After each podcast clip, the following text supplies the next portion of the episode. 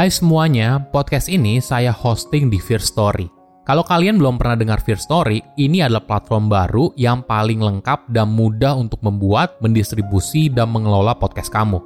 Nah, jadi Fear Story itu bisa kamu gunakan 100% gratis. Kamu bisa mengupload episode terjadwal dan mendistribusikan podcast kamu di semua platform podcast di Indonesia. Fear Story juga menyediakan customer service yang berisikan podcaster berpengalaman kamu bisa share podcast kamu tanpa ribet dengan F-Link yang akan mencakup semua link platform kamu dan sosial medianya. Dengan Fear Story Ads, kamu bisa mengakses monetisasi yang mudah dan beneran bisa kamu cairin tanpa biaya tambahan, gak pakai repot. Jadi tunggu apa lagi? Yuk maksimalkan podcast kamu dengan platform hosting dari Fear Story. Daftar sekarang di fearstory.me dan buat podcastmu jadi kenyataan.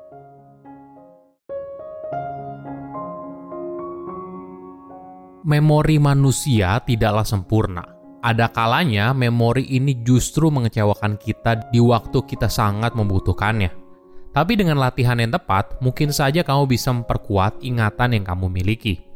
Halo semuanya, nama saya Michael. Selamat datang di channel saya, Sikutu Buku. Kali ini saya akan bahas kenapa kita suka lupa di waktu yang tidak tepat. Bayangkan kamu berada di sebuah acara bisnis, lalu ada seseorang yang datang menghampiri kamu dan bilang, Halo, apa kabar? Tentunya kamu akan dianggap tidak sopan apabila kamu tidak ingat orang itu kan? Kamu pun berusaha tetap santai dan mencairkan suasana sambil berusaha mengingat orang tersebut. Kamu kenal orang itu, tapi kelihatannya sangat sulit untuk mengucapkan siapa nama orang itu. Mungkin situasi ini familiar buat kamu. Ingatan kita kadang mengecewakan di saat kita sangat membutuhkannya.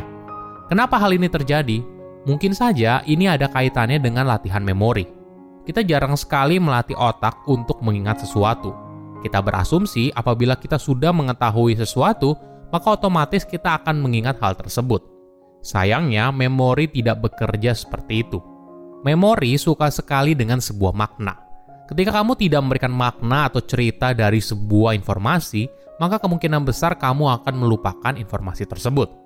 Sebelum kita mulai, buat kalian yang mau support channel ini agar terus berkarya, Caranya gampang banget, kalian cukup klik subscribe dan nyalakan loncengnya. Dukungan kalian membantu banget supaya kita bisa rutin posting dan bersama-sama belajar di channel ini. Apakah kamu pernah lupa nama seorang atau lupa sebuah meeting yang penting? Ada sebuah kisah yang menarik bagaimana sebuah ingatan punya andil besar dalam hidup seseorang. Pada tahun 2011, saat debat calon presiden dari Partai Republik di Amerika Serikat, Gubernur Texas Rick Perry lupa kementerian ketiga yang dia janjikan untuk dihilangkan apabila dirinya menjadi presiden. Saat itu, dia hanya mengingat Kementerian Perdagangan dan Pendidikan, dan itu merupakan momen yang sangat memalukan. Bayangkan momen di mana sebuah ingatan sangat dibutuhkan, malah informasi tersebut tidak kunjung muncul ketika berusaha ditarik ulang. Beberapa lama kemudian dalam debat itu Rick baru ingat kalau kementerian ketiga dari janji politiknya adalah Kementerian Energi. Performanya yang buruk dalam debat tersebut membuat dia kehilangan kursi untuk maju menjadi kandidat presiden dari Partai Republik. Padahal di awal kampanye, nama Rick sempat menjadi salah satu yang berada di peringkat teratas dalam berbagai survei. Mungkin saja kita tidak mengalami momen yang pivotal seperti Rick, tapi kehidupan sehari-hari kita bergantung pada ingatan pergi ke sebuah acara penting, mengingat hari ulang tahun dari orang yang kita cintai, bekerja di kantor, dan sebagainya, semua ini bergantung pada memori. Kegagalan kita dalam mengingat sesuatu bisa memiliki dampak yang beragam. Mungkin ada yang tingkatnya tidak terlalu signifikan hingga membuat kita bisa kehilangan harta kekayaan yang jumlahnya sangat besar. Pada tahun 2011, warga San Francisco, Amerika Serikat bernama Stephen Thomas membeli Bitcoin dengan harga yang sangat murah dia memutuskan untuk menyimpan Bitcoin dan berharap nilainya akan meningkat seiring waktu. Benar saja, pada tahun 2021, Bitcoin sempat mencapai rekor harga tertinggi senilai 890 juta rupiah per koin. Artinya nilai aset Bitcoin Thomas pada saat itu mencapai 3,2 triliun rupiah. Sayangnya dia lupa password dari dompet digitalnya. Thomas sudah mencoba berbagai cara untuk mengingat, tapi tetap tidak berhasil. Dia bahkan sempat merekrut hacker untuk membuka passwordnya tapi gagal. Akhirnya, Thomas menghancurkan hard drive yang berisi dompet digital tersebut. Dia merasa ini adalah cara terbaik untuk melindungi Bitcoin agar tidak jatuh ke tangan orang yang salah. Tentu saja, ini kisah yang menyedihkan. Bayangkan kamu kehilangan harta sebesar itu hanya karena kamu tidak bisa mengingat sebuah password. Thomas tidak sendirian. Beberapa ahli mata uang kripto memperkirakan 20% pemegang Bitcoin di seluruh dunia tampaknya hilang atau berada dalam kondisi dompet digital yang tidak bisa diakses. Oke, jadi kenapa ingatan kita justru mengecewakan di saat kita sangat membutuhkannya? Dalam hidup, mungkin kita percaya ketika kita sangat menginginkan sesuatu, maka mungkin saja hal itu akan terwujud. Hingga ada pepatah yang mengatakan, usaha tidak akan mengkhianati hasil. Sayangnya, ketika kita sangat ingin mengingat sesuatu, hal ini tidak ada pengaruhnya dalam kemampuan kita untuk mengingat. Mungkin ini ada kaitannya dengan kebiasaan kita yang sering kali tidak melatih memori dan hanya melakukan hal yang mudah. Analoginya gini, kamu punya teman yang ingin memperkuat tubuhnya dengan melakukan push up. Tapi ketika kamu bertemu dia, temanmu itu tidak melakukan push up secara full, tapi dibantu dengan lutut. Kamu pun bertanya, kenapa nggak coba aja langsung push up secara full? Teman kamu menjawab, kalau dia sudah mencobanya, tapi karena sulit, dia kembali lagi push up dengan lutut jadi dia bisa melakukan push up dengan jumlah yang banyak. Situasi yang sama juga terjadi ketika kamu ingin berlatih memperkuat memori.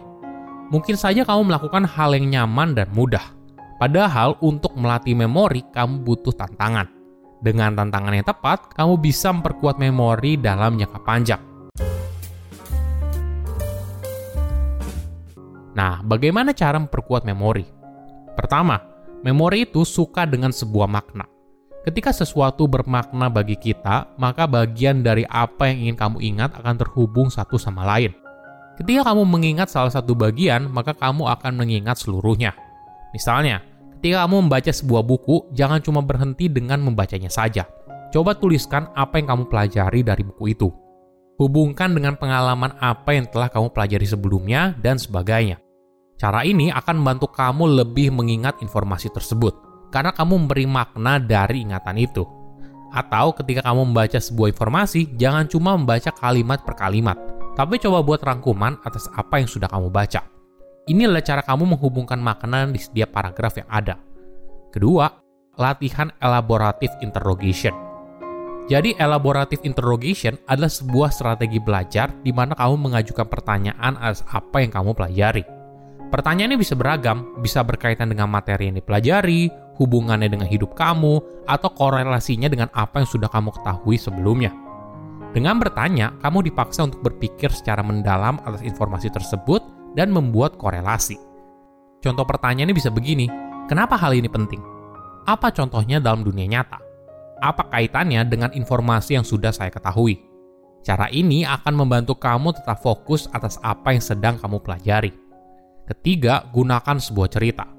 Cerita merupakan sebuah metode yang efektif karena sebuah cerita punya hubungan di antara setiap informasi yang ada. Ini merupakan karakteristik dalam sebuah cerita di mana sebuah kejadian B disebabkan karena kejadian A. Kenapa hal ini penting? Karena kita mengingat berdasarkan sebuah tanda, dan tanda inilah yang memberikan kamu petunjuk. Misalnya kalau ada orang yang bilang garam, mungkin kamu menjawab lada karena kamu sering mendengar kata salt and pepper. Dua hal ini berkaitan dalam sebuah memori, Tentu saja, walaupun kita berusaha semaksimal mungkin untuk melatih memori, ada kalanya kita gagal mengingat sesuatu. Ini adalah hal yang wajar. Di era sekarang, kamu bisa menggunakan bantuan eksternal untuk mengingat.